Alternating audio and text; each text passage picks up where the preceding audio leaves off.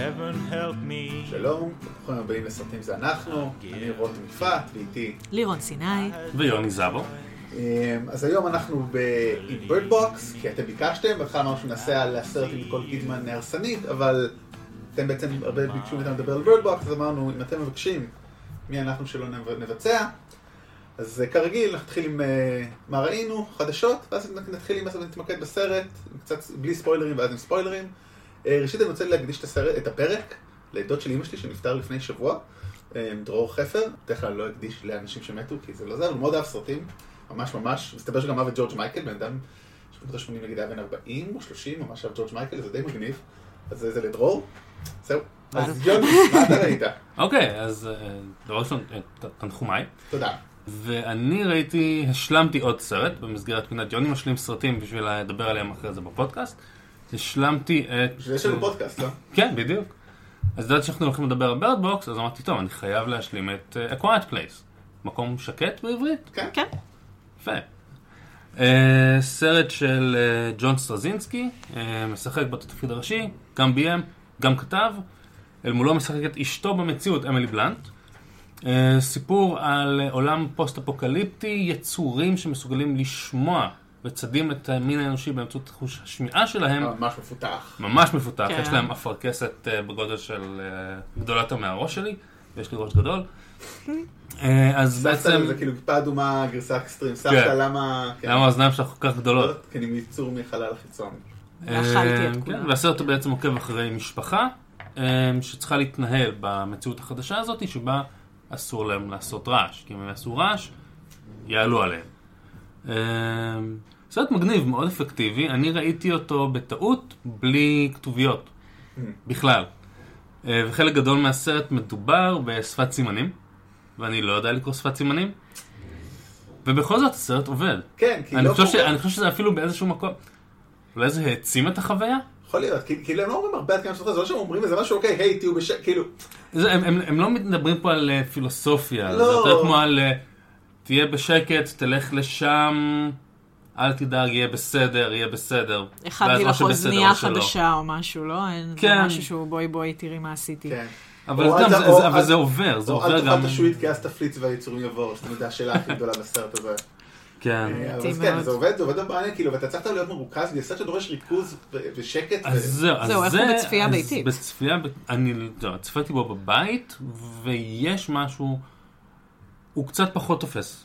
לא, אני לא יכול להגיד שהוא תפס אותי, ראיתי את עצמי זולג פה ושם לפייסבוק קצת, בודק מיילים, אה, הסרט התנהל לו בעצלתיים. זהו, אני ראיתי אותו בקולנוע, והיה מאוד שקט. באופן מפתיע, הצליחו ישראלים, זה באמת, היה תמיד החשש, היה שקט מפתיע, דיברו. ההפך, כאילו, I cringed ברגעים שאתה צריך, כאילו, יש את הרגע, אה, לא נעשה ספוילר פה, אבל שאתה, כאילו, עוד רגע קופזה, אז כולם היו בשקט, זה היה ממש נחמד. כן, כן, הוא ממש מצליח להשתיק אולמות, שזה מאוד מרשים. אז אה, כן, זה... השאלה שלי, הדבר היחיד שהיה מעניין אותי לראות, כי אני ראיתי אותו בלי כתובות, הייתי שמח לראות איך הסרט עובד גם בלי פסקול. כי הפסקול, בגלל שהסרט בחלק גדול ממנו הוא כמו סרט אילם, הפסקול משחק חלק נורא נורא... בלי. אני פעם בטעות ראיתי בסינמטק ירושלים את אה, אוקטובר של סרגי אייזנשטיין. עוד ייי! לפני שלמדתי קולנוע, כן, זה היה כרמת החנוניות שלי. רמת המחויבות. מחויבות. ולא היה, לא היה מוזיקה. עכשיו, זה סרט אילם אה, 23, 27, אני כבר לא זוכר, אל תתפסו אותי אה, בהיסטוריה של הקולנוע, ולא, ואף אחד לא הלך להגיד לזה. עכשיו, כאילו, ידעתי שחייב להיות מוזיקה, למרות שלא למדתי, אבל לא היה נעים לי, כי הייתי כזה ביישן שקט אז. היום כנראה כבר הייתי עושה משהו, אבל לראות סרט שלם 90 דקות, שעה, שעתיים בלי מוזיקה, אתה לא יכול להחזיק. היית בפלאפון שלך כל הזמן. כן, כן. אתה חייב, אתה חייב משהו להחזיק אותך. כן, אני זוכר ראינו לא מזמן את, אה, את הקסן. כן, הסרט גם כמו... סרט אילם מ- על, אה, כמו דוקו, על מכשפות משנות ה... עשרים, גם שנות גם. ה-20. לא, סרט מעולה. ובמהלך הסרט מתנגנת מוזיקה קלאסית ברקע, שלא באמת, היא לא באמת קשורה לסרט, היא פשוט מוזיקה קלאסית רנדומלית שמתנגנת, וזה יצר מעצמי מעניינים שפתאום זה עובד, פתאום זה לא עובד, אבל כן, אני חושב שבלי מוזיקה זה, זה היה קשה זה היה קשה. מנשוא. אני אגיד לך דבר אחרון בהקשר הזה, ואז נמשיך. אני נגיד לפני כמה שנים ראיתי סרטים קצרים של צ'ארלי צ'פלין, שהיה לי אוסף, וחיברו לו מוזיקה שלא קשורה. אוי.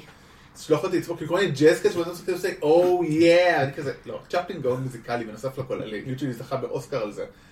מישהו שם חרבן את זה, אז כזה, וואי, יכולתי לראות, כן. מוזיקה זה חשוב, חברים. שמעתם את זה פה לראשונה. הפסקול שלכם הוא חשוב מאוד. יפ.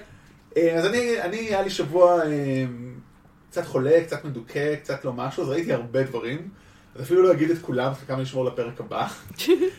אז אני אתחיל עם הראשון שראיתי, סיימתי לראות את העונה השלישית של Travelers, שדיברתי עליה לפני כמה פרקים שהתחלתי לראות אותה. ממש טוב. אני כאילו קראתי ביקורות של זה, אני ממש אהבתי את העונה ממש טובה. מאוד מותח, הם מאוד כאילו באמת לא, לא בחלו שם אה, לעשות דברים קיצוניים, לא ברמת משחקי הכס, אבל בכיוון הזה של, אוקיי, צריך לקרות דברים, we have to put some stakes, וזהו, וכאילו מעניין מה יהיה הלאה, אני מאוד מקווה שיהיה עוד, הם אה, סיימו את זה בצורה כזאת שיש עוד המשך אולי. אני ראיתי את מהיר ועצבני, שזה יישמע כאילו... הראשון? הראשון שלא ראיתי אף פעם. וואו. אני למעשה רק ראיתי בערך מחמש והלאה. אז ראיתי את הראשון, ואני חייב להגיד, אני לא מבין איך הדבר הזה התקדם להיות כאילו סדרה. זה לא התיישן טוב? זה, זה, מה זה, אני לא מבין, כאילו, זה פשוט לא עשוי טוב, זאת הבעיה שלי. אין לי בעיה עם איכות העלילה, המס... א', בוא נתחיל עם זה שאין קשר בין הסרט הזה למה שכאילו קרה הלאה. זאת אומרת, זה בכלל אין קשר. שם התחילו בתור גנבי רחוב, ופה הם כבר... אה, זהו, על מה הסרט הראשון בכלל? אה, ש- אני לא איך קוראים לו? פול ווקר הוא סוכן משטרה סמוי, שמנסה לתפוס גנבי רחוב, והוא אה, מצטרף לחבורה של אה, דו- דומיניק טורטורו, שזה כמובן... וין דיזל? וין דיזל, עם החברה שלו, אה, אה, שכחתי לשחק שם של שחקנית, אבל... כל, כל השחקנים שבהמשך גם חלקה זאת היא החברה שלו שם, אה, מישל רודריגז, כן. סליחה, כן. ואחות שלו, שהיא כאילו הטבחית שהוא מתאהב בה, שפול ווקר מתאהב בה, ואשתו אחר כך וזה וכן הלאה. הם בערך היחידים שאולי, ואולי האן שם, כאילו יש ככה חלק מהם שממשיכים הלאה. זה פשוט לא עובד, כי כאילו, זה אני לא מבין, כי פשוט לא עשוי טוב, זאת אומרת, אני לא מדבר על העלילה, פשוט, זה מרגיש סרט סוג חטא.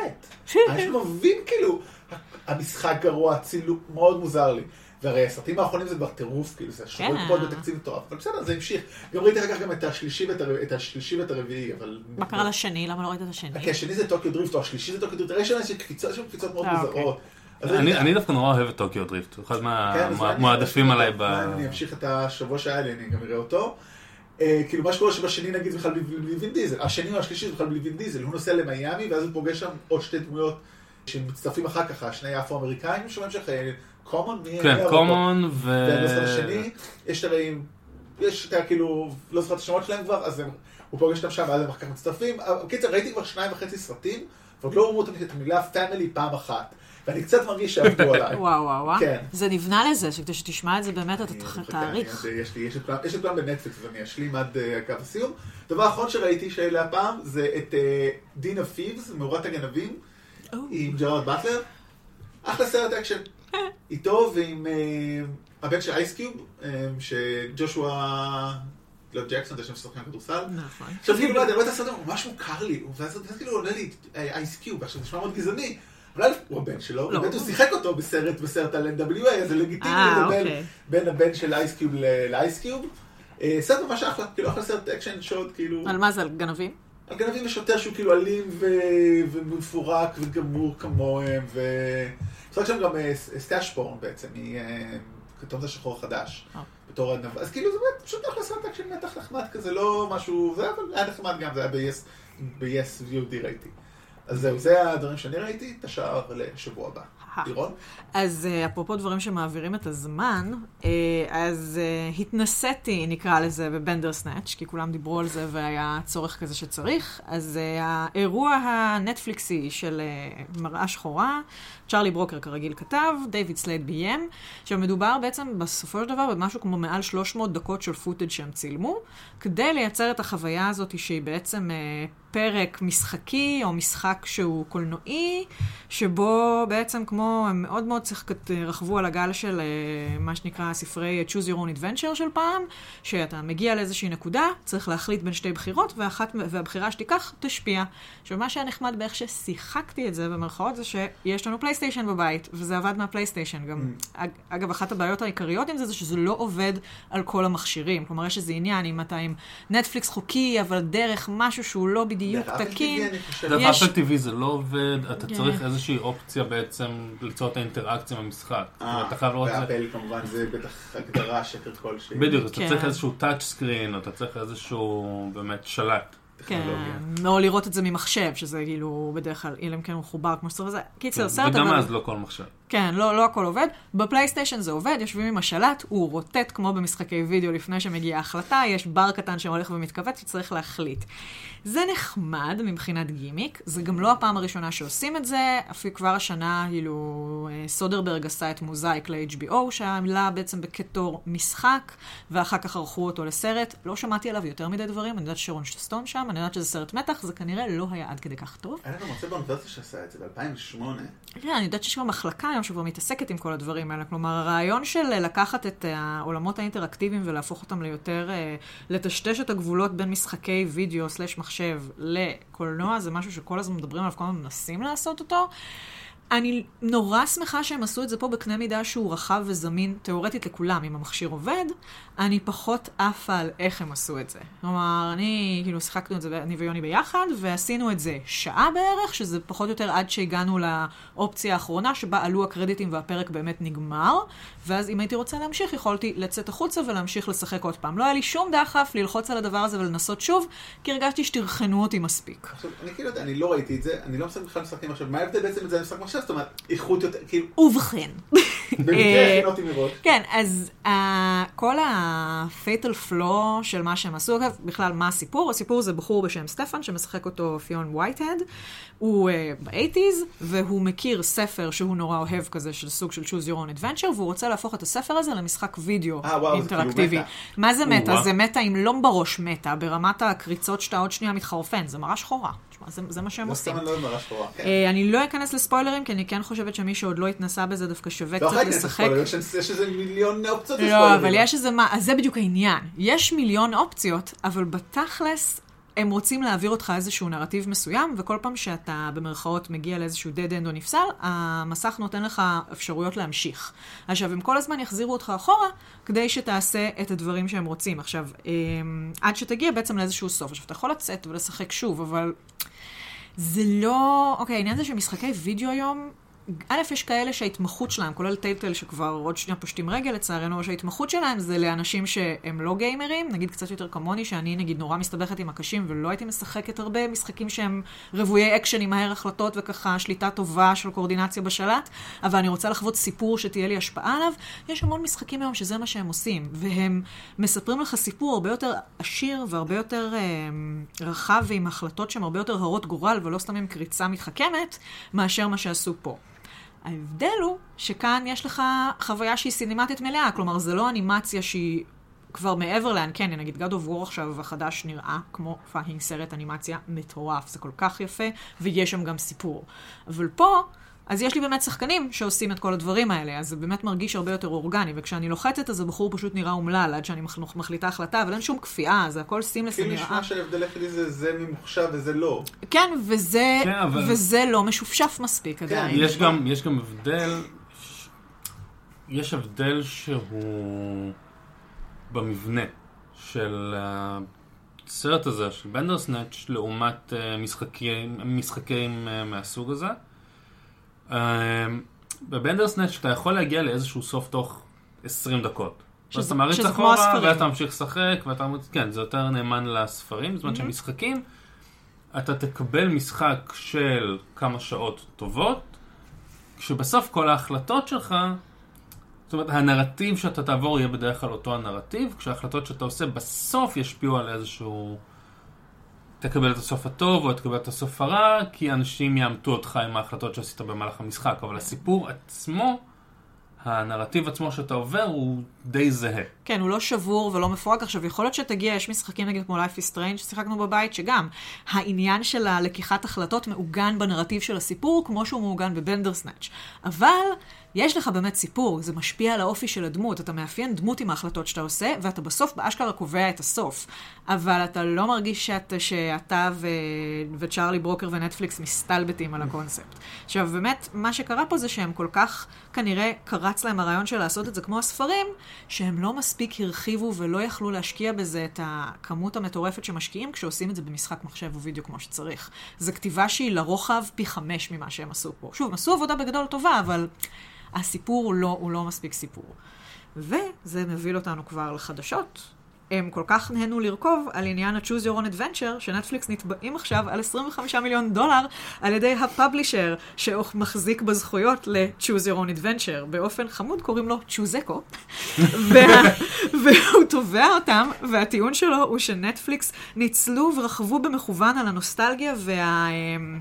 מין אה, אופטימיות ונחמדות וחמידות של המותג הזה, ועם איך שהפרק הזה כתוב ובנוי, הם tarnishing the brand. כלומר, הם באו עם האופל והאומללות והדיכאון הקיומי שלהם, ואני גם לא רוצה להגיד אולי מה התסריט או לא משהו שלהם, והם מחרבנים לו על ה brand. אז אולי הם פשוט היו צריכים באמת לדאוג ולעשות את זה קצת יותר משחק וידאו, ופחות ספר מצולם. כאילו, תביעות הרי גם תבעו אותם על... תבעו על סברינה. כן, סברינה, כנסיית השטן. כנסיית השטן תבעה את סברינה על שימוש בפסל שהוא הלוגו שלהם. Everybody wants some. שזה יהיה מצחיק אם כאילו כנסיית השטן יאשימו את נטפליקס על uh, tarnishing their good name. כן. היי, כנסיית השטן הם בסדר גמור, היי אוקיי. דרך אגב, מצחיק, איך קוראים לבחור? זה, אני חושבת שזה השם של החברה, אני חושבת שזה הבחור שלו וזה צ'וזקו. סתם כאילו באמת לא קשור, אבל אני מאוד הצחיק אותי. איך קוראים למייסד של רשת מקס סטוק? מקס. מקס? מקס, אורי מקס. There you go. הכל הגיוני. זה כאילו, הוא עושה לזה. כן. אני התחילו לראות את המפעט, וכנראה בגלל זה אני פאט. זה כאילו, הגעתי למסקנה הזאת בגיל מאוד מבוגר. בגלל זה אתה פרח, רוטו. זה כזה יפה. מפעט. טוב, אז עוד חדשות קצת שלא קשורות לתביעות, אני חושב. אנחנו מקווים. כן. זומבילנד 2 הולך לצאת בקרוב, זאת אומרת, כבר מתחילים לצלם. הבמאי של הראשון, שהוא גם הבמאי של ונום, הולך לביים את השני, ולכן לא לביים את ונום 2. ומה שיותר נחמד פה, שדן אקרו, של ביל מרי חוזר, ואיתו גם דן אקרויד. לא ברור איך, כי הוא די מת, ספוילר. אחד הקטעים היותר מצחיקים בסרט, עם ביל מרי הזומבי, אז זה מצחיק אז הם יהיו שם. כן, זה סרט זומבים, אז... אתה יודע. אז אולי דן אקרויד הפעם יתפוס את התפקיד שלו, אולי הוא כזה יגדל את ביל מרי, לא יודע, זה יהיה מאוד מצחיק, הם תמיד חמודים. אולי זה כמו ב Shaun of the Dead, החזיק אותו כזה. כן, בדיוק, כזה. הם ישחקו משחקי וידאו ביחד. ועוד סרט שהוא רימייק sequel לא ברור, זה Jay and Silent Bob, מכים שנית, יוצא לדרך כאילו עושים המשך, לסרט Jay and Silent Bob Strike Back, סרט מתחילת האלפיים, מאלפיים אני חושב, ממש. הדייט הראשון שלי פעם היה לסרט הזה. סיפור חיי בגדול, ומה שמצחיק, שהם בעצם, בסרט המקורי, הם מגלים שעושים עליהם סרט, והם יוצאים לעצור את הצילום, מי שרוצה לנחש מה קורה ברימייק. הם כותבים את התסריט? לא. עושים רימייק לסרט המקורי והם יוצאים שוב לעצור אותו. או שלכם ממש גרוע, או שלכם ממש טוב. וואי. אני מקווה שכאילו לא היה התקף לב והירידה במשקל של קווין סמית' יגרום לו לעשות את זה מצחיק, כי הסרטים האחרונים שלו היו לא משהו. אני בעדו. אני בעדו באופן כללי לגמרי, אבל...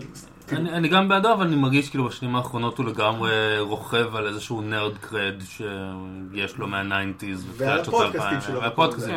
סבבה, do that stuff. אבל כן. הוא לא יכול לתבוע את עצמו על זה שהוא פוגע לעצמו במותג ומטנף את הנוסטלגיה עם האופל הנוכחי. מי יודע, חכה ונראה, זה מגניב. מה עוד לך יש? אז קארן גילן, החמודה מדוקטור הו ו... וג'ומנג'י, נכון, נכון. כל הדברים. כן, אבל לעומת זאת, אי אפשר לזהות אותה כך בגרדיאנס את הגלקסי, כי היא משחקת את נבולה. כן, היא כחולה מאוד. מפורקת ורובוטית. אז באוקולוס היא מזוהה. נכון, באוקולוס היא מזוהה והיא מצוינת שם, והיא גם עשתה, היא לא מזמן עשתה גם איזשהו דירקטור על דיביוט שלא הגיע לארץ, שאני לא זוכרת כרגע את השם שלו, ונשמע מאוד מעניין. אז היא הולכת לשחק בסרט חדש שנקרא Gunpowder Milkshake ומתחיל צילומים בחודש הבא, והחדשות העוד יותר מסעירות פה זה שמי שמביימים את הסרט זה נבות פפושדו ואהרון קשלס. יפ, כבוד. וגם התסריט הוא של אהוד לבסקי. אז כאילו החבורה הזאת שכבר קיבלה שבחים אני חושבת שאפשר להגיד שזה בקנה מידה עולמי. כן, חשוב להגיד, נראה לי לפחות אהרון ונבות, כאילו, אהרון לימד אותי, אהרון ונבות חברים, וכאילו, אנשים יקרים, אבל באמת סרטים מצוינים, ולא צריכים אותנו, קיבלו... כן, כן, זה לא... קוונטין טרנטינו אמר סרטים שהם טובים. בדיוק, אז זה לא שאנחנו פה... קוונטין טרנטינו התחתן עם הבת של צביקה פיק, אני לא הייתי סומך על הטעם של אתה ראית את התמונות מהחתונה? הם זוג מקסים ביחד, הם נראים באמת טוב. אני סתם כלבה. זה היה כזה טרש בטעם טוב. I'm a shady bitch. Yes you are. זה מצחיק, לא, זה פשוט מצחיק, באמת, כי אני חושב שצביקה פיק וקוונטין טרנטינו יהיו קרובי משפחה. אבל כן, אבל זה מגניב לגמרי הסרט, ואני הצעתי דרך אגב לאהרון בפייסבוק שלו שמחר אני דובר סקוטית שוטף, אני אשמח לעזור לו בסט בתור חבר, לתרגם אותה, כי אני מבין באמת, יש לי בני דודים סקוטים, אני מבין את השפה, אני צריך. בהצלחה. אני, כן, היא ג'ינג'ית סקוטית, כאילו, אני לא צריך לנשום כנראה. כן. סרט שלא הולך, כן, סליחה. והיא שחקנית שחקנית מצוינת. מצוינת. כן. אה, סרט שלא הולך לקרות, שהיה אמור לקרות זה סטאר טרק 4. אה, שני הקריסים עזבו, אמור להיות קריס פיין וקריס אמסוורף היה משחק את אבא שלו, כמו שצריך בסרט הראשון אה, דקה, אוקיי. רגע לפני שהוא פרץ. אבל הם עזבו, הבמאית אה, אס.ג'יי קלרקסון עוברת לפריקוולים של משחקי הכס, וכנראה שכבר לא יהיה סטאר טרק 4, כן. לא, הצבעת, אה, וכנראה שלא יוני הצביע פה, חשבתי אולי יש משהו להגיד, יש. לי- משהו להגיד אחרי שתסיים את הזה. אז שאתה זהו. אז אין סטארטרק 4, וספק שכבר יהיה אי פעם. לעומת זאת, אה, השבוע יוצא מי שמעוניין, אה, הסטארטרק דיסקאברי עונה שנייה. אנחנו עושים בין דברים זה אנחנו פרק על אה, סטארטרק דיסקאברי, עונה ראשונה. אה, מצוין. מי שאוהב.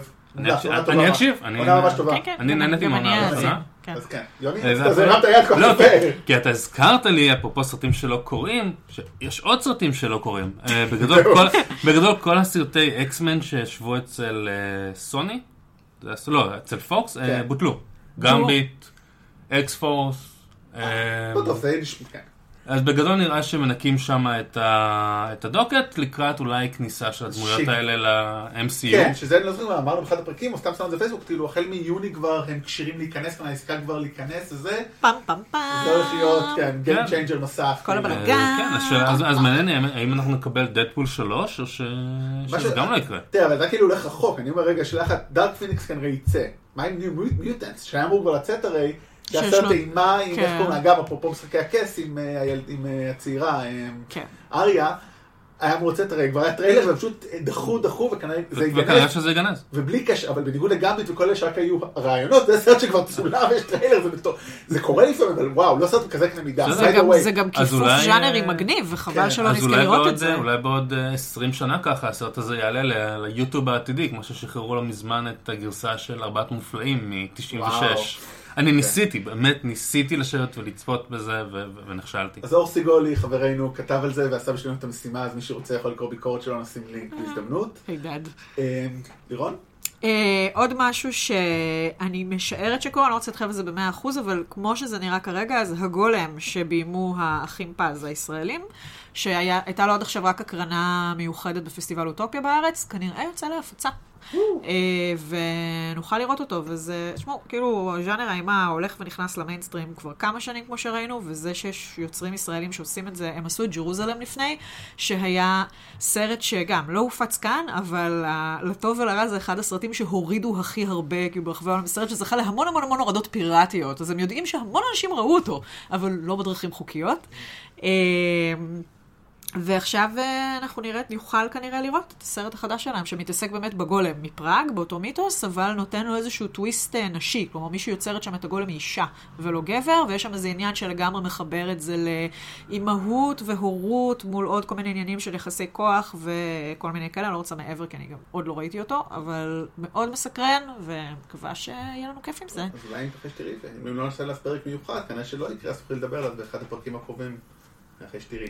אה, משהו קטן, סתם כאילו נחמד, אה, או אה, דני וילנב, הבמאי הקיובקי, קנדי הנפלא של באמת סיקריו ובלייד ראנר על 2049 ו- Arrival, ו Arrival. אסירים. אז כאילו באמת, ואפילו, כן, במאי באמת אחד אולי, אולי הכי מעניין שפועל בשנים האחרונות החדש. שזה by far. כן, כן. כאילו, אמ, אז עושה את חולית עכשיו, שזה הולך מטורף. אז בנוסף לכל הרבה שחקנים, זה, סטלן סקארסגארד הולך לשחק את הנבל בארון הרקונן. לא קראתי או ראיתי, אז אני לא יודע, אבל תמיד טוב לציין את אה, סטלן סקארסגארד. וגם אה, מגרדיאן, זה בטיסטה שם, לוהק. כן. כן. אה. כן, כן. הם. עבדו ביחד על בלייד ראנר. כן, כן. בסצנה אחת. כן. שאתה עפת עליו מצוין, בבלייד ראנר. כן. הוא היה... בטיסטה שחקן אדיר. כן, כן. אה. תראו, זה מאוד הגיוני שמתאבקים, יהיו שחקנים גדולים. כאילו, כן, הם- זה נכון. כאילו, כמה שאמרנו על ג'ון סינה בהקשר של פשוט שהיה לו שם חצי טוב, חצי עוד טוב, הוא שחקן הוא כמובן דרוק. זה ברור, פשוט הלק הוגן קבע את הרף כל כך גבוה, שזה זה- זה מקום מאיים. כן. בכל זאת, אומן עם שרירים. אה, אבל האנשים האלה משחקים כל הזמן. אה, עוד רימייק, reboot שאני שמח שיצא, זה הי-מן. שכנראה מתקדם, ויהיה ב-2020. ומי שהולכים לכתוב אותו זה ארט מרקום ומאט הולווי, שכתבו את איירון מן הראשון, את המעניש שזו מלחמה, את רובוטריקים אחרון האבירים, ואת גברים בשחור בינלאומי שעתיד לצאת, אז אה, ידיים מעניינות. Oh my God. אה, היה סרט בשנת 86, 7, אני כבר לא זוכר, סרט נוראי עם דולף לונדגרן כן, כן. ומשחק בו נו. אה, פרנק לנגל אני חושב, אני חושב, כן, כן, כן, את- את את סקלטור. זה היה שיט שניסיתי לראות לפני כמה שנים, וואו, זה באמת סרט סרט של קאנון. לא בלתי ניתן לצפות, אז זה מעניין, הימן גיבור ילדות אה, אהוב. אהוב. ומעניין מה יעשו עם זה. יש לך עוד חדשות? לא, אני חושבת שזהו. אה, יש לי- שתיים קטנים גם. לא, אה, גם לי יש איזה משהו קטן, פתאום נזכרתי. שמעתם שג'ון קליז מגיע לארץ? הוא נכון. הולך לעלות אה, מופע. כן, אני חושבת שהכרטיסים כבר נמכרים. כן, כן, היום בבוקר כבר, כי אתם יודעים שאנחנו מקליטים, זה בעצם, כן. אנחנו מקליטים את זה ביום ראשון וזה עולה בשני, אבל כן, אני שקרא מישהו כתב בפייסבוק שהוא ראה אותו בחו"ל ולא היה מדהים, אבל בסדר. הוא ג'ון קליז. כן. אה, מי שאוהב בוודאי ישמח לראות. אה, אז עושים המשך ל-Coming to America, אדי מרפי, סרט גם בשנות ה-80, שהוא מגלם נסיך אפריקאי שבא למצוא כלה בניו יורק, וסרט שאני זוכר בתור ילד, אז עושים לו המשך, מגלה את אמריקה קראו לו, אז זה המשך שגם כבר תופס יותר תאוצה. כן, תשמעו, כי אולי כדאי להגיד, כמו שאמרנו, סרטים שעוד נעשים ולא נעשים, הרי הוליווד מלאה בכאלה, אז אנחנו מנסים למצוא את אלה שהחדשות לגביהם יותר ודאיות, ולא זה כי... מאומתות, סוג לא, של. לא מאומתות האלה שהם נראים בשלבים מתקדמים, כי מאומתות הכל כן. מאומת, פשוט דברים גם כן, retracted בשלבים כן, זה. כן. ואחרון, באמת אחרון, אה, עושים סרט שישי ליד סופי, אחרי שכבר מ-2011 לא היה לנו. אה, ייי. בכותבים של המסור, אז אה, יכול להיות מאוד מעניין, אני מת על יד סופי, זה אחד המבריקים. אני, אני כל כן. כך אוהב אותו. האמת שהוא מתחבר אה, לנושא של, לנושא המרכזי שלנו היום. אה, אז יאללה, אז בואו נתחיל לדבר על הנושא שלנו. אז אנחנו בבירדבוקס, אה, סרט נטפליקס. מדהים שאנחנו כאילו בסך הכל אה, פרק שישי שלנו פה של הפודקאסט, זה שני סרטים מתוכם סרטי נטפליקס, כאילו זה, זה כל כך רוח התקופה, כאילו סרטים כן. מרכזיים שלנו, רוח התקופה. אני מדבר שגם דיברנו על סרטי נטפליקס אחרים בתור זה, אבל יותר מזה לציין את רוח התקופה, ורק כאילו, אז Bird Box סרט מ- שיצא בסוף דצמבר, נכון? משהו אלה כזה. בנטפליקס, אה, ביימה אותו סוזן בייר, אה, במאית אה, דנית. אה, הייתה חלק מדוגמה 95, הדבר האהוב עליי בעולם אולי. עשתה אחרי זה גם את בעולם טוב יותר, אחרי החתונה. לירון, את אפילו ראיינת אותה, אמרת לי, לא? על, אה, על בעולם טוב יותר, שהיא זכתה על זה, היה שם איזה עניין על מועמדות או זכייה כן. אפילו באוסקר, אני כבר לא זוכרת, זה היה מזמן.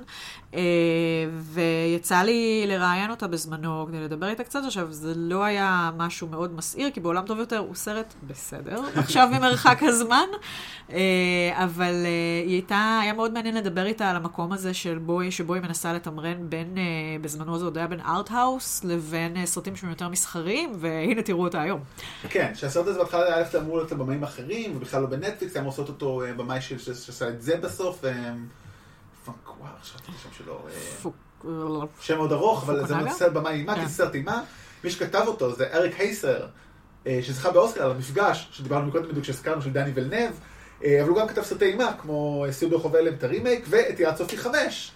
יעד סופי חמש הוא סרט מאוד טוב, הסיוט ברחוב אלם, הרימייק, not so. נו, אני כבר לא זוכר מה היה ביד סופי חמש, קצת מבלבלים לי. זה. האחרון, לא? כן, אבל אני לא זוכר מה... what- הוא כזה קצת יותר מודע לעצמו, זה פשוט זה, נחמד. יש איזה משהו, ואז יש תאונה, ואז אה, הזמן חוזר, ואז אה, אנשים מתחילים למות. אה, אוקיי. זה- כן. זה מה שקורה. מה קורה? סיוט ברחוב הלם? יש... יש אה, פרדי קרוגר, ואנשים ישנים וחולמים, כן. ודברים רעים קורים. יפה, ואתם המומחים לאימה מפה, כן, כאילו בתוך הפודקאסט הזה אתם המומחים לאימה, ולדעת את התיאור שלכם של סרטים, אולי אנחנו עושים פה משהו לא נכון. כולנו כבר זקנים ולא זוכרים כלום. בואו נשים את זה על השולחן. סנילי משהו. סנילים. אה, אז באמת, אז הסרט אה, זה היא במאית, הוא כתב את זה על פי ספר של ג'וש מרלמן, לא אומר לי הרבה, אבל שבאמת, אה, ומה שמעניין את המוזיקה, אתם יודעים מי כתב? נופ. לא, טרנט רזנור ואתיקוס רוס, אה. שכתבו כבר אה, מלא, אה, בעיקר עם, לסרטים של פינצ'ר. פינצ'ר, התחילו מה Social Network, רשת חברתית, ולנערה עם קעקוע דרקון, כן. ול-Gone Girl, נכון Gone Girl? כן. כן, בקקו, נהרג בקור דרקון זה היה הדבר הכי טוב בסרט, לדעתי כבר טרנט רזנור כתב את השיר לסרט הראשון לדעתי, של יעד סופי. כן, כן? כן, לא, כן, זה כן. של Nine Inch Nails. כן, for my final dest- אה, try to save לא. myself. שיר, לא. לא כן. לא את כל ה score. הפסקול כאילו הוא התחיל, אני חושב שהוא התחיל בערך עם ה Social Network, הוא עושה כן. עבודה מדהימה. כן, כן. סגירת- טרנט רזנור, כן. מי שלא מכיר, אה, אה, האיש מאחורי Nine Inch Nails, אה, גם מוזיקאי גאון, ובאמת בשנים האחרונות אני חושב שהם כבר פחות מוציאים והם עושים יותר אה, הוא עושה את זה כן. כאילו, והשותף שלו באמת זה אתיקוס רוס, וואו. אה, טרנט רזנור באמת, ההופעה שלהם פה הייתה אחד הדברים ה... כן, היה- אני לא האהוב- אחת האהובות עליי, זו הייתה הופעה. היה. מרהיב, כן. יואו, אני זוכר גם, סליחה שאני סוטה פה, אבל חייב זה כל כך אדיר, שבסוף הוא עושה את Hurt, והוא מסיים בזה, ואז אנשים עושים עוד. איזה עוד? תגידו לי, על מה אתם עושים עוד? הבן אדם אומר, כאילו, באמת, עם כל הכבוד לג'וני קאש, זו הגרסה שהתפרסמה, שהגרסה המקורית היא באמת כן, היא נהדרת. סוחפת. אז כן, אז Bird Box, שחקנים, סנדרה בולוק, אה, מי שלא מכיר, אז אה, אחת שחקנית הוליווד, את ה... מדהים מאוד שמשחקת פה אישה בהיריון, בת 54, זה קצת מוזר. כן. אבל בסדר, בדרך כלל עושים הוליווד הפוך, אז כאילו למי אכפת? נכון. כאילו אנחנו לא נגיד על זה כלום. אה, מי שמש- מי שמשחק, אה, בוא נגיד, ליד מייל רול לידה זה טרוולטר רוס, שמוכר בעיקר מאור ירח, בתור הגרסה המבוגרת של הדמות. אה, כן. אוקיי, בגלל זה אני מוכר. שרירי וגדול שם, שרירי וגדול פה, אבל הוא שחקן מצוין, זאת לא, אומרת, הוא עושה עבודה מעולה. הוא גם פה וגם שם, שחקן כמעט. בידי וונג, אה, בעיקר בחוק וסדר, ומיסטר רוברט לי הוא מוכר. אה, טוב הולנדר, שחקן בריטי, שרה פולסן, מאימה אמריקאית. משחקת את אחותה. אחותה לתפקיד כן. קטן. כן, אה, ג'ון מלקוביץ'. בתפקיד ג'ון מלקוביץ'. כן. בתור. אה, מי שהכי מעניין, אולי שהכי מעניינת פה זה אה, רוזה סלזר, שמשחקת את השוטרת, שיש שם את השוטרת עם בחור שהנינג, שעושים להם את העניינים שלהם, שהיא לא כזאת מוכרת עד עכשיו, אבל היא משחקת, היא הדמות בעצם הגיבורה בעתיד למהלך הקרב, שהולך לצאת בפברואר, חודש הבא. אז אנחנו נראה אותה, או גרסה ממוחשבת שלה אה, ממש בקרוב. ומשחקת גם אה, תפקיד קטן אה, דניאל מקדונלד מפאטי קייק. זאת אומרת, מלא שחקנים בין גדולים לבינונים, זאת אומרת, סנדר בולוק וג'ון מלקוביץ' הם A-ליסטרים או B-ליסטים כאילו. כן. באמת מעניין, אתם יודעים מה, משהו אחד שלא כתבתי, בדקתי, אז בואו נסתכל, אנחנו יודעים מה התקציב של הסרט, זה מעניין. בינתיים... 20 מיליון. אה, זה הכל. עכשיו, אני יכולה להגיד שאם אני זוכרת, מדברים, הרי נטפליקס לא תמיד אוהבים לחשוף אה, נתונים בכלל, הם שומרים את הכל מאוד חזק אצלם, אבל הם כן מאוד נהנו לעוף על זה שראו את הסרט הזה, מה זה היה? 45 מיליון איש? 45 או ש- 45 ראו עד 70 אחוז, משהו כזה, כאילו, הרבה. כאילו שהרבה, שהם הצליחו לעשות לסרט הזה מספיק באז ככה שהרבה, כולל אותנו, ראו אותו. וראו אותו מהר, וראו את רובו, אם לא את כולו. עכשיו, זה כן סרט שמגדיר את עצמו, אפשר להתווכח על זה, כן? כי בואו, הוא לא מפחיד. אבל זה סרט אימה בעיקרון, וכל הת, כל התרחיש שלו הוא תרחיש של אימה לחלוטין, אז זה יפה. רגע, בואו נעצור, בואו נגדיר אותו, עזבו רק להגדיר זה, יש לי משהו יותר טוב, הוא מוגדר בוויקיפדיה וכולם יגידו פוסט-אפוקוליפטי. אני- Well. well, הוא די, בניגוד להרבה סרטים פוסט-אפוקוליפטיים, הוא די מראה את הדרך לאפוקוליפסה, בדרך כלל לא רואים. אולי תעשה לנו recap קצת. מה ספר- הסרט? כן, ספר קצת, כי בטח לא כולם ראו. ואז אה, באמת אז נדבר על זה. אז הסרט מתחיל באמת בפוסט-אפוקוליפסה, אה, סנדרה בולוק עם שני ילדים מנסה לחצות את הנה- אה, את הנהר כדי להגיע למקום מבטחים. במקביל אנחנו רואים פלשבקים בעצם, לת- ו- והם מכוסים עיניים כי אסור להם לראות. אנחנו רואים פלשבקים לעבר כשהיא הייתה עדיין בהיריון, חמש שנים אחורה, כשהיא ואנשים אחרים בעצם אה, פורצת איזושהי מגפה שלא ברור מהי, מה טיבה, ונחשפים אליה דרך הראייה, ולכן אנשים מסתגרים בבתים ומונעים מהאור ולהסתכל על דברים אה, באופן חסות. רגע, זה לא היא בהיריון. כן, היא זה בהיריון. אחותה בהיריון. לא, היא בהיריון. לא, היא בהיריון. זה לא אחותה בהיריון? לא. היא בהיריון ואחותה תומכת בה ומנסה להגיד לה, איז, אה, איז, נכון, יהיה נכון, בסדר נכון, שאת לבד. כן. נכון, נכון, לא היה. ויש שם כאילו, עוד מישהי בהיריון. היא כאילו ממש רצתה ללכת לאגודת אפרת או להשתתף לאימוץ, וכאילו הרופאה ואחותה ניסו להגיד לה, אנחנו נגד אפרת כמובן, כן, כן. needless to say, זה. הבדיחה, באמת פי. אבל כן, לא, היא לא רוצה, זה מאוד חשוב, זה חלק מאוד מרכזי אולי בסרט, שהיא לא רוצה, היא לא בטוחה, לא יודע אם לא רוצה, זו מילה קצת גדולה, כי היא לא חושבת על הפלה, היא חושבת על אימוץ, שזה גישה דרך אגב. כל כך אמריקאית, by the way. סליחה, כן. כן, כאילו רציתי להימנע מזה, אבל לא, כאילו זה מאוד מעניין, כאילו לא אומרת אני אעשה אלא היא נותנים לה פתק, do you want to adopt? שכאילו, to give to adoption, זה לא ברור, אבל כן, כי היא, היא לא בטוחה שהיא רוצה את הילדים, את הילד, את הילד כן. ילדה. כן. ואז באמת, אז היא- היא בורחת, הם יוצאים מהבית חולים ומתחיל להשתולל המגפה, היא מגיעה לבית, שם נמצאים כל החברים שתיארנו, ואז באמת כן, לאורך ו- השנים בעצם, back- הוא כן, הוא אז- פלשבקים back and forth. הוא פלשבקים back and forth, כשחלקם הארי, אם אני זוכרת נכון, כלומר, כמעט עד איזושהי מערכה יחסית מאוחרת שלו, אני עוד לא אכנס פה לספוילרים, אבל רובו באמת מתרחש בהתבססות האפוקליפסה. כלומר, הם הרבה מזה... הסרט הוא- רוב הסרט הוא לא בדיוק בפוסט, הוא ב... הוא בפרי, הוא כן, ב- הוא כאילו בדבר הוא עצמו. ב... הנה קורה אסון. ו... ונחמד שבאמת לא נכנסים, נותנים איזשהו נגיעות של הסברים של מה זה, אבל זה בעיקר עניין של יאללה בואו נתמודד עם השיט הזה עכשיו. הנה אנשים שתקועים כאילו כי כמו... זה מה שמעניין תמיד, כאילו, מה כן. זה זום, כאילו, כמו בסרטי זומבים, מה זה משנה למה הזומבים האלה הגיעו, מה הם רוצים, אוקיי, יש- יש גורם מאיים, יש גורם אימה, לכן כן. סרט אימה, איך אנחנו מתמודדים איתו, זה הרי קלאסי יכול להיות סרט זומבים שפשוט, אז אומרים, או דרקולה לא יכול להיכנס לתוך הבית, אנחנו סגורים בבית. כן. ועכשיו, ועכשיו צריך לראות מה יותר נוראי, הזולת או האחר. פילוסופיה למתחילים, אה, פה בסרטים זה אנחנו. אה, רק אולי עוד דבר אחרון על הסרט, השם Bird Box זה כי לוקחים את הציפורים לכל מקום, כי מבינים שהציפורים יכולים לחוש את הסכנה, מה שאנחנו מכירים כן. סרטים, ו... כן, כלומר, בלי שאני אכנס עכשיו למטאפורות של מה זה ציפור בקופסה, yada yada, אז אכן בעצם באיזשהו שלב, סנד, הדמות של סנדרה בולוק, מולי, נכון? כן. אה, מוצאת אה, ב- באחד ה... מלורי, סליחה. מלורי. סליחה, לא סנדרה. חברה שלי מהטירונות. לא, בסדר. אה, אז היא מוצאת אה, באמת ציפורים, ואגב, זה תוכים ספציפיים שהם אה, ציפורי אהבה. כלומר, זה. תוכים שחיים ביחד. ונדמה לי שהם אפילו שלוש ציפורים, כלומר, יש לכל הדברים האלה משמעויות שם אחר כך, והיא שומרת עליהם, ובאיזשהו שלב מבינים שהציפורים האלה קולטות כשהדבר המאיים בסביבה. אז מסתובבים איתם, שלב ממש מסתובבת איתם עם קופ... בתוך קופסה, כדי שהם לא ילכו לאיבוד. אז מה חשבתם באמת, יוני? מה, מה, איפה אתה... אה, אני אני חושב שהיה פה פוטנציאל לשתי סרטים מאוד טובים, אה, שאוחדו לכדי סרט אחד פחות טוב. איפה השני סרטים שאתה רואה אותם? מעניין. לא אה, חשבתי את זה על קאם דרך אגב, אבל...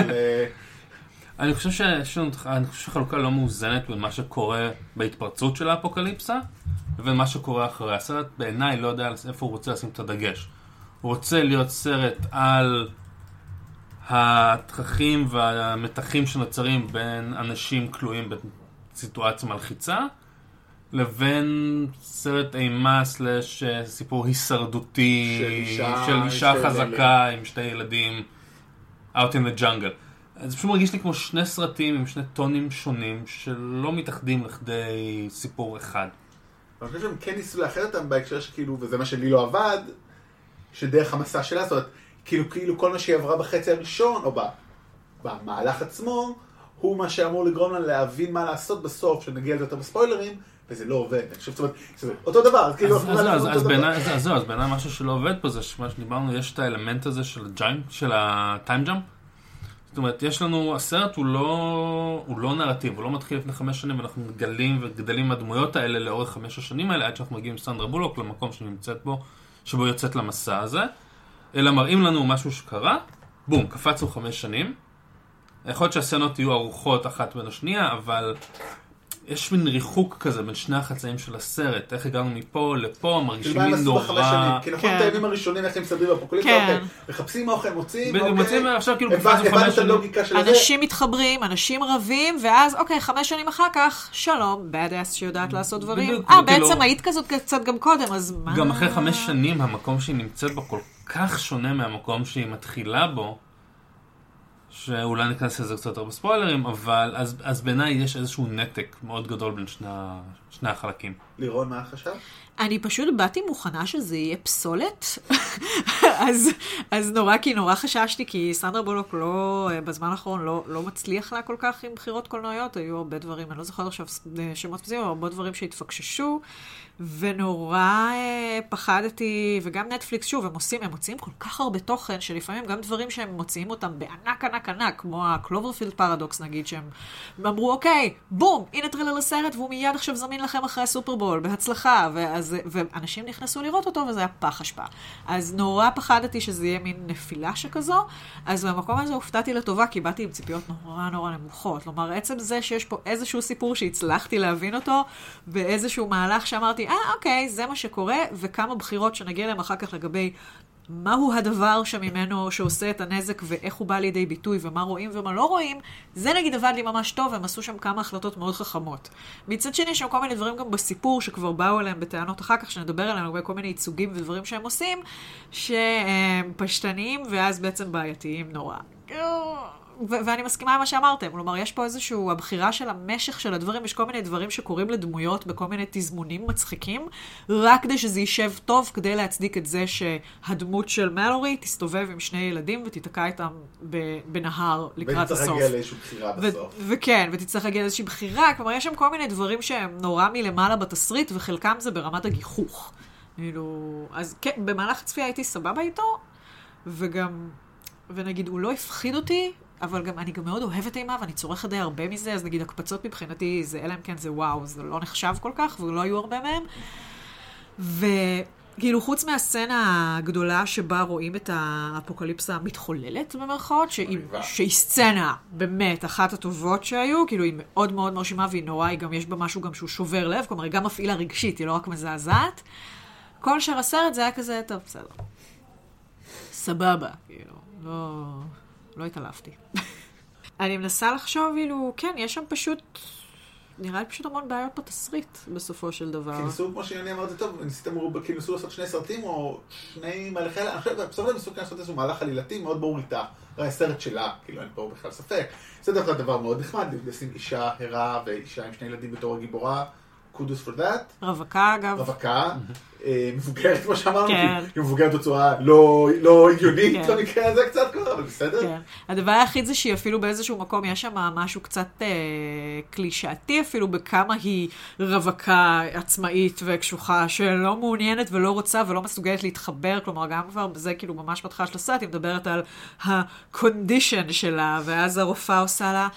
condition, you're pregnant. כאילו מנסים להסביר לה שזה משהו שהוא לא שפעת שעובר, אלא דבר שקורה וכדאי להתחבר אליו, וכל התהליך שהדמות הזאת אמורה לעבור במהלך הסרט זה בעצם ממישהי ששומרת על עצמה על ידי איזשהו סוג של ניתוק רגשי, ללהבין האם היא מסוגלת להיות מחוברת רגשית או לא. עכשיו, זה יופי של סיפור, אבל הדרכים שבהם מעבירים אותו הם כאמור מפוזרות פצצות. כן. אז טוב, נראה לי קשה להמשיך הלאה בלי ספוילרים, נכון? אינדיד. אז אה, ספוילרים. ספוילרים. מעכשיו. אז טוב, אז אני חושב באמת, יש כמה דברים בספוילרים, בואו נתחיל אולי עם הסוף דווקא. אוקיי. רוצה להתחיל את זה החלק הכי מעניין, הבחירה שלא הייתה. כן. שהיא צריכה לבחור באיזה ילד אה, יהיה הנווט. כן. ואז היא אמרה, אף אחד לא, ואנחנו נסתדר. כן, כלומר, יש שם איזושהי נקודה ש... אוקיי, מה שקורה זה שהיא נמצאת במקום שהוא כבר לא מספיק בטוח, והיא גם נשארה לבד עם שני הילדים, שהיא מסרבת לקרוא להם בשמות. אחד הוא שהבן שלה, אחד הוא הבן שלה. אחד הוא של... אה, וה- והשנייה היא בת של אחת מהשורדות כן. האחרות ש- שמה כן. שלא מיד שרדה. אחרי הלידה. כן, ואחרי אחרי הלידה המשותפת, אפרופו דברים לא הגיוניים, הן כמו נשים שמתאמות מחזור שה-synchronized periods, הן יורדות, לה- יורדים להם המים בהפרש של חצי שעה והן יולדות ביחד. למרות שידענו שהם לא אמרו להיות באותו זמן. אה, זה בסדר בעצם, זה לא מוזר לא, בכלל. ידענו שהם לא אמרו, ידענו שאחת הם אמרו, אחד בספטמבר, אחד באוקטובר, אוקיי, יש כאילו... בסדר, אז- אז אחד מהם הוא פג, אבל זה כזה, כן. באמת. כאילו, סבבה, נכון, סטרס עושה דברים לגוף האנושי, אבל כאילו בשביל ש... כדי שהיא תישאר, אני חושבת שכל הסיבה שעשו את זה ככה זה כדי שלילדה לא יהיה שם. הרי אם האימא של הילדה הייתה שורדת, היא הייתה נותנת לה שם, והיה צריך לעשות משהו כדי להיפטר מהאימא של הילדה, ושסנדרה בולוק, כלומר מלורי, תיתקע עם שניהם, אז היו חייבים לתזמן את זה בצורה מאוד מאוד מלאכותית ומתישה, שבה היא נשארת עם שני הילדים. אה, ואז היא בעצם מגיעה למסקנה שהיא צריכה להגיע על סמך איזו הבטחה של איזושהי הודעה שהיא שומעת בקשר, שיש איזה מקום שהוא בטוח, ויש בו גם אוכל וספלייז ואנשים, אבל צריך לחצות וואחד נהר, סוער, ובאמצע מישהו חייב להסתכל. ואז אנחנו יודעים שלהסתכל זה בעצם איזשהו גזר דין מוות. כלומר, מישהו חייב להסתכל כדי לתת הוראות ניווט. ואז אמור להיות מין מתח כזה של בחירתה של סופי. ואז מה קורה עם זה? היא פשוט אומרת אף אחד זה- לא, את זה על עיוור. זה יוצא בחירתה של קלי. היא לא בוחרת לא את ברנדון ולא את דילן. גם את עצמה היא לא בוחרת, בעצם. אה, כן. אגב, בסוף, הסרט מבוסס על ספר. ובסוף של הספר קורה משהו אחר, יש מהלך אחר. מה, מה, מה? כשמגיעים ל... שזה משהו שלא עשו בסרט. כשמגיעים למחסה הזה, כן. שמאחר שאנחנו בחלק של הספוילרים, אני יכול לספר שזה בעצם מין בית ספר לעיוורים.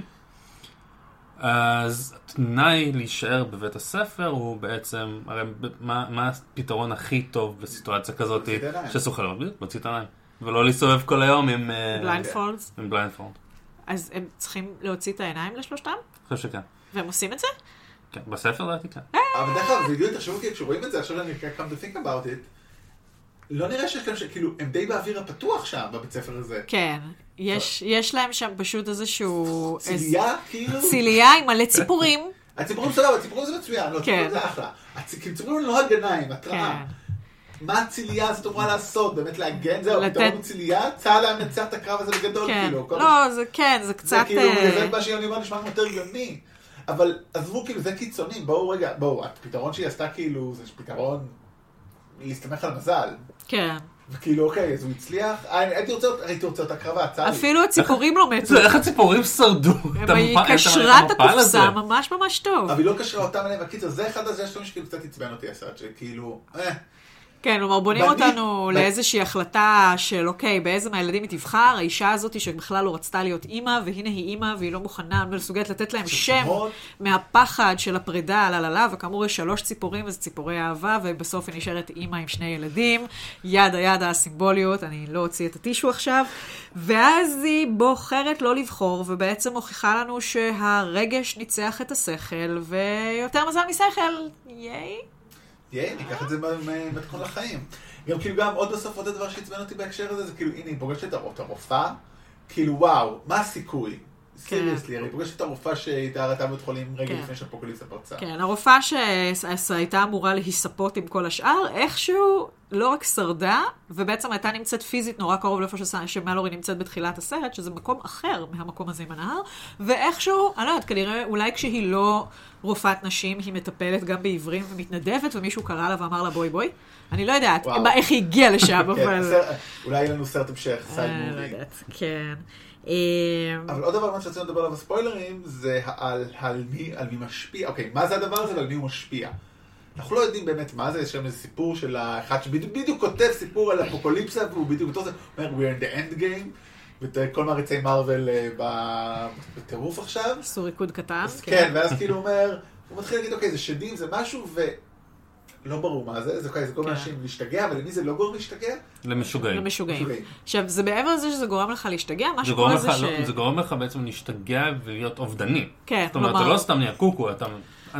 הדבר הזה עובד קצת כמו איט, אם אנחנו חושבים על זה. כלומר, הוא מראה לך את ה, כנראה את הפחדים או דברים כמו, כמוסים נורא נורא נורא חזקים.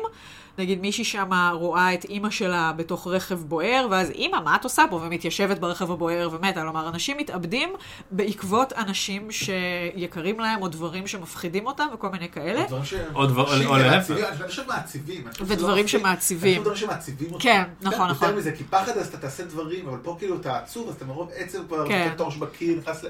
או אתה כן. לא מודע לזה, או אחותה שכאילו קמה ויצאה ונדרסה, כאילו... כן. למרות שיש גם אנשים שאומרים שהם רואים דברים ומסתכלים ואומרים וואו זה ממש יפהפה והם מחבקים את זה וקופצים מהחלון אל עבר אל זה. אל עבר זאת אומרת הזוועה. שאין פה, האפקט של אותם יצורים שאנחנו לא רואים הוא לא אחיד. אולי באמת לירון רגע תגידי משהו לגבי היצורים ואיך הם נראים, כי היה על זה איזשהו עניין אה, אז הפקתי בוא נקרא אז לזה. זהו, אז הדבר הכי טוב שהסרט הזה עשה, זה ההחלטה החכמה לא להראות אותם, ולכן מאוד נהניתי להשוות אותו קצת ליעד סופי, שהשטיק הכי טוב בו זה שזה גורל, או המוות עצמו, ואז יש המון דרכים, זה לא שזה סרטים בלי תקציב, סרטי יעד סופי. יש משהו במה שלא רואים ושיוצא ושזורע הרס ומוות, שמזכיר באמת את מה שקורה ביעד סופי, ששם עשו בחירה חכמה לא להראות את הגורל, המוות, הדבר הזה, אבל- ומצאו כל מיני דו- אמצעים אחרים לעשות את זה.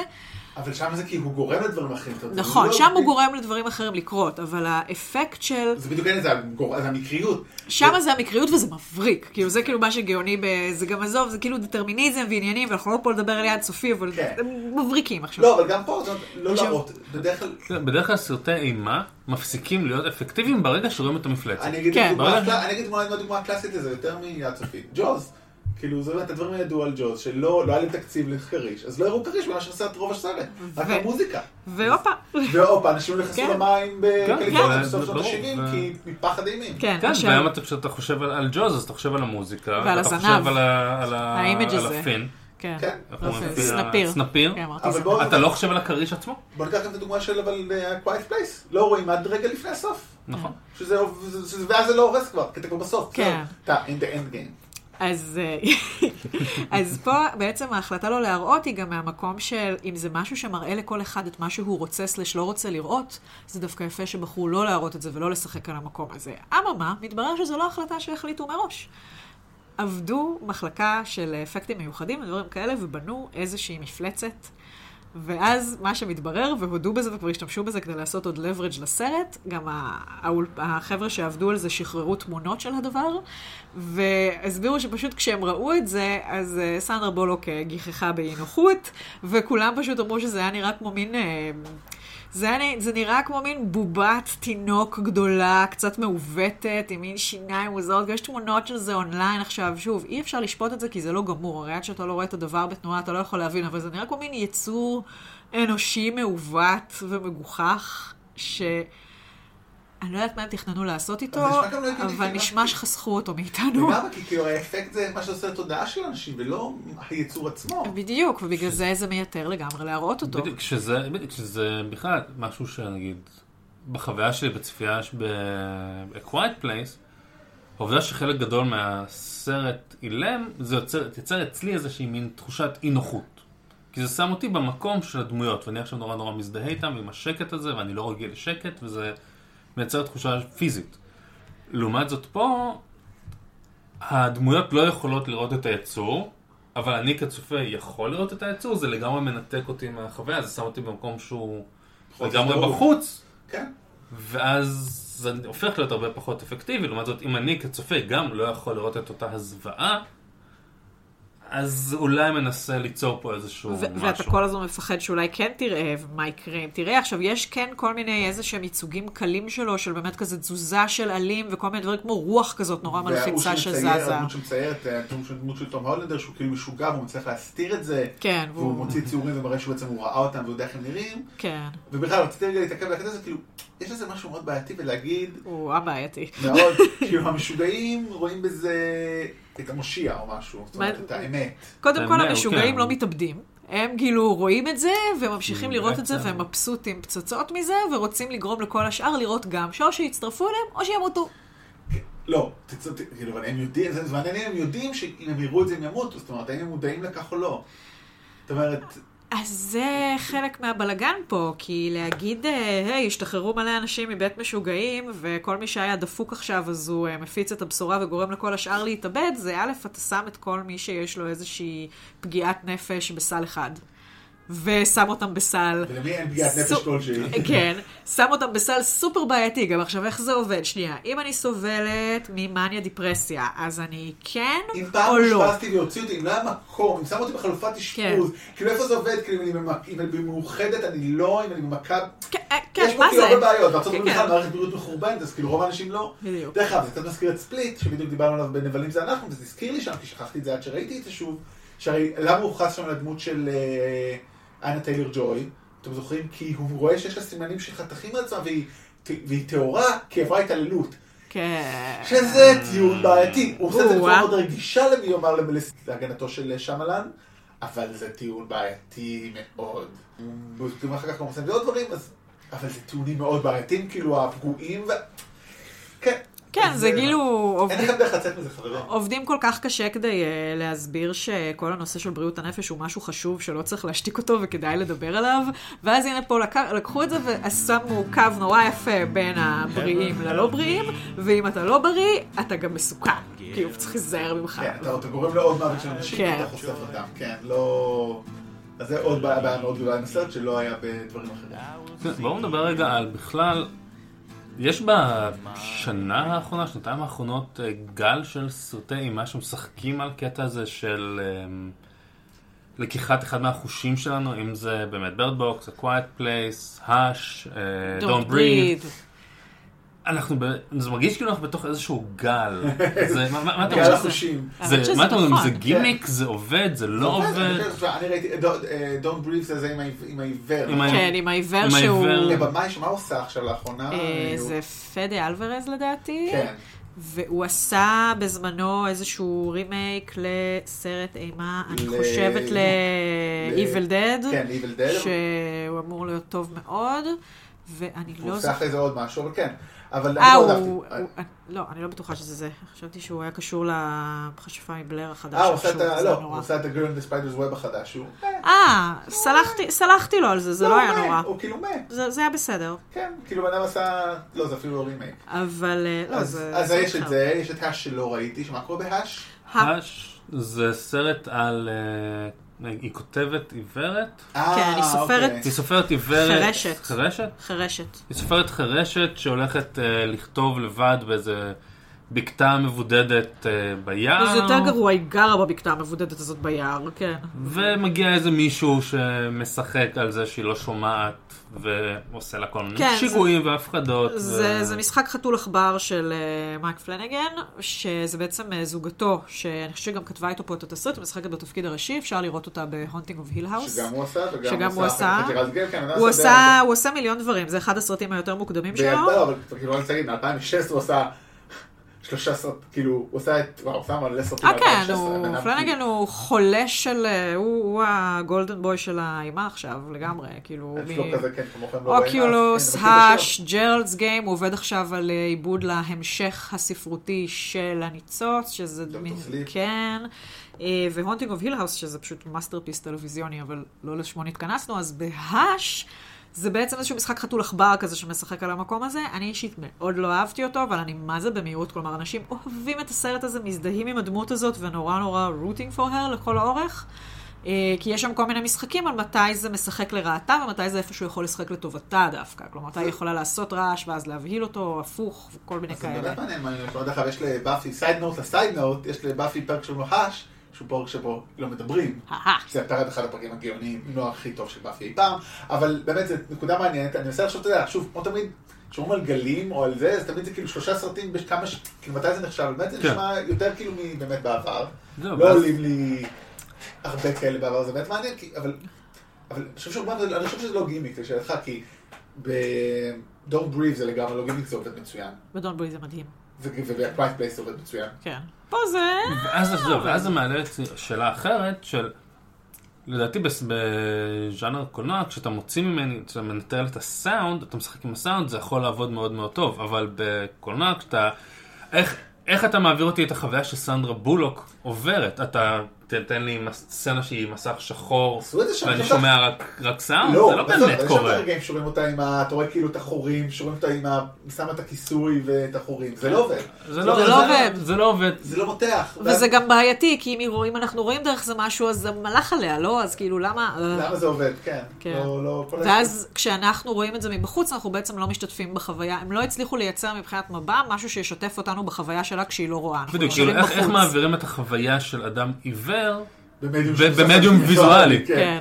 יש פה איזו סתירה פנימית. בלי, בלי לשים לנו פשוט באמת בלק סקרין והמון המון סאונד. שיש, אה, אני חושבת שב-Don't Breathe יש איזה קטע כזה. כלומר, יש איזה קטע, נדמה לי שזה מתהפך, נדמה לי הוא מכבה לה את כן. האור, כן, ויש. כמה רגעים שזה... זה מדהים. כן, ואז יש את הנשימות העמוקות, וזה כן, נהיה מלחיץ. כלומר, אנחנו בעצם מקבלים את החוויה שלו, כלומר, כל העניין של הסאונד מוגבר, אתה רואה איך הוא משחק שם עם השפת גוף שלו, ועם איך הוא, הוא ממש, אה, הוא מאוד וולבריני בהתנהלות שלו שם, הוא מרחרח את הבית, כאילו, זה ממש, זה אפקטיבי בצורה מאוד מאוד חזקה, בגלל איך שבנו את זה, ופה, וואי וואי. טוב, אז נראה לי, יש למישהו עוד משהו להוסיף לסרט? אז אנחנו בסך הכל מחבבים. כן, מחבבים. מחבבים פלוס. כן. אני יכול להגיד מה שאמרתי סתם, אני בדרך אגב, אה, דיברתי על קאמפ פשוט השבוע בפודקאסט אחר, אירחו אותי בפודקאסט שקוראים לו Low Battery, של- שהוא בעיקר על טכנולוגיה, אבל באתי לדבר על הסרט הזה. מה שאהבתי בקאמפ, שיש בו הרבה מאוד בעיות, כמו שיוני גם נראה לי הזכיר, שהוא סרט ראשון. בתור סרט ראשון, וואלה. סרט ראשון שעשה מיליון דולר, אוקיי, אני רוצה לראות מה עוד אתם עושים. אה, זה סרט ראשון? כן, לסרט כן, הזה זה- במיליון דולר, כן, סרט כן, ראשון, סרט ראשון. חבר'ה, אתם, אוקיי, אני אני מוכן לראות את הדבר הבא שלכם. פה, זה כבר קצת שונה, אבל כן. בסדר, אבל זה לא רע. אבל זה... זה לא רע, אבל היה אפשר לצפות מה... כל ה- כל המעורבים. להרבה אם יותר. כי סוזן היא לא במאית של אימה, זה קצת אומר, אוקיי. כן, אבל הסרט הזה, שוב, אני, אני, נכון שהוא סרט אימה, אבל סוזן מירי גם כן אה, במאית של, אה, של דברים שאמורים להיות, נגיד, לעבוד על להפעיל אותנו רגשית מאוד. כן. אז יש את זה שם קצת, יש את זה בסצנה המרהיבה בהתחלה, אבל כל התהליך הרגשי ש... שהיא עוברת. זה, זה כל כך אה, צפוי, זה... וזה, וזה הסיבה שזה, אני חוזר בעצם למה שהתחלתי איתו, שאני מרגיש כאילו יש פה פוטנציאל לשתי סרטים שונים שהיו יכולים להיות סרטים מאוד מאוד טובים. טוב, אולי הם יעשו לנו גרסת אה, Bandersnatch של זה. של- אולי אה, choose סליחה, your- כן. choose your movie. וואי. אתה יודע מה? את זה הייתי משחקת בכיף. נראה לי מגניב. נרים טלפון לחבר'ה בנטפליקס. תגיד אה, להם. קוראים לה? צ'ארלי... צ'ארלי בוקר. נדבר איתם, נראה אפשר לעשות crossover. yep. טוב, אז אה, תודה רבה לכם. תודה רבה לך. אה, אה, נזכיר לכם כמה דברים שאחרים שאנחנו עושים, אז יש לנו את נבלים זה אנחנו, אז באוויר כבר יש את הפרק על טרילוגיית גלאס. בעצם על שני הסרטים הראשונים, על Unbreakable וספליט, ועוד קצת סרטים של M. Night Shyamalan. שבוע הבא אנחנו פה נדבר על וייס, סגן נשיא, סרטו החדש של אדם מקיי, על סגן הנשיא הידוע לשמצה על פיו דיק צ'ייני. וביום שישי, ב... כמו שאמרתי, כבר העלינו על דיסקאברי, לעונה ראשונה, סטאר טרק דיסקאברי. ואני הופעתי הזמן לשני פודקאסטים השבוע, אז אני ככה אתן להם את ההכרה שלהם. אז הראשון באמת זה Low Battery, פודקאסט לטכנולוגיה. דיברנו שם כל מיני דברים באמת על תערוכת ה-CES, התחרות של הווגאס, של כל הטלפונים וכל הגדג'טים המגניבים, ועוד כל מיני דברים. היה מאוד כיף. וגם הייתי בפודקאסט שקוראים לו מוצרל, על ניהול מוצר, על my day job. אז גם דיברתי קצת על דברים שעשיתי, זה ממש קצר, 20 דקות כאילו, לא האמנתי שאנשים עושים 20 דקות פודקאסט. לא מבין כאילו מה, אני כאילו כשהקלטתי פודקאסט לבד על ונום עשיתי יותר מ-20 דקות, אבל כנראה כל אחד... בסדר, כי היית צריך לדבר פעמיים. אני אהבתי את הסרט, אני לא! בדיוק היה ככה, הייתי צריך לעשות ככה, היום איפה היית אז. טוב, אז עד אז, עד שבוע הבא, תודה רבה. ביי! ביי!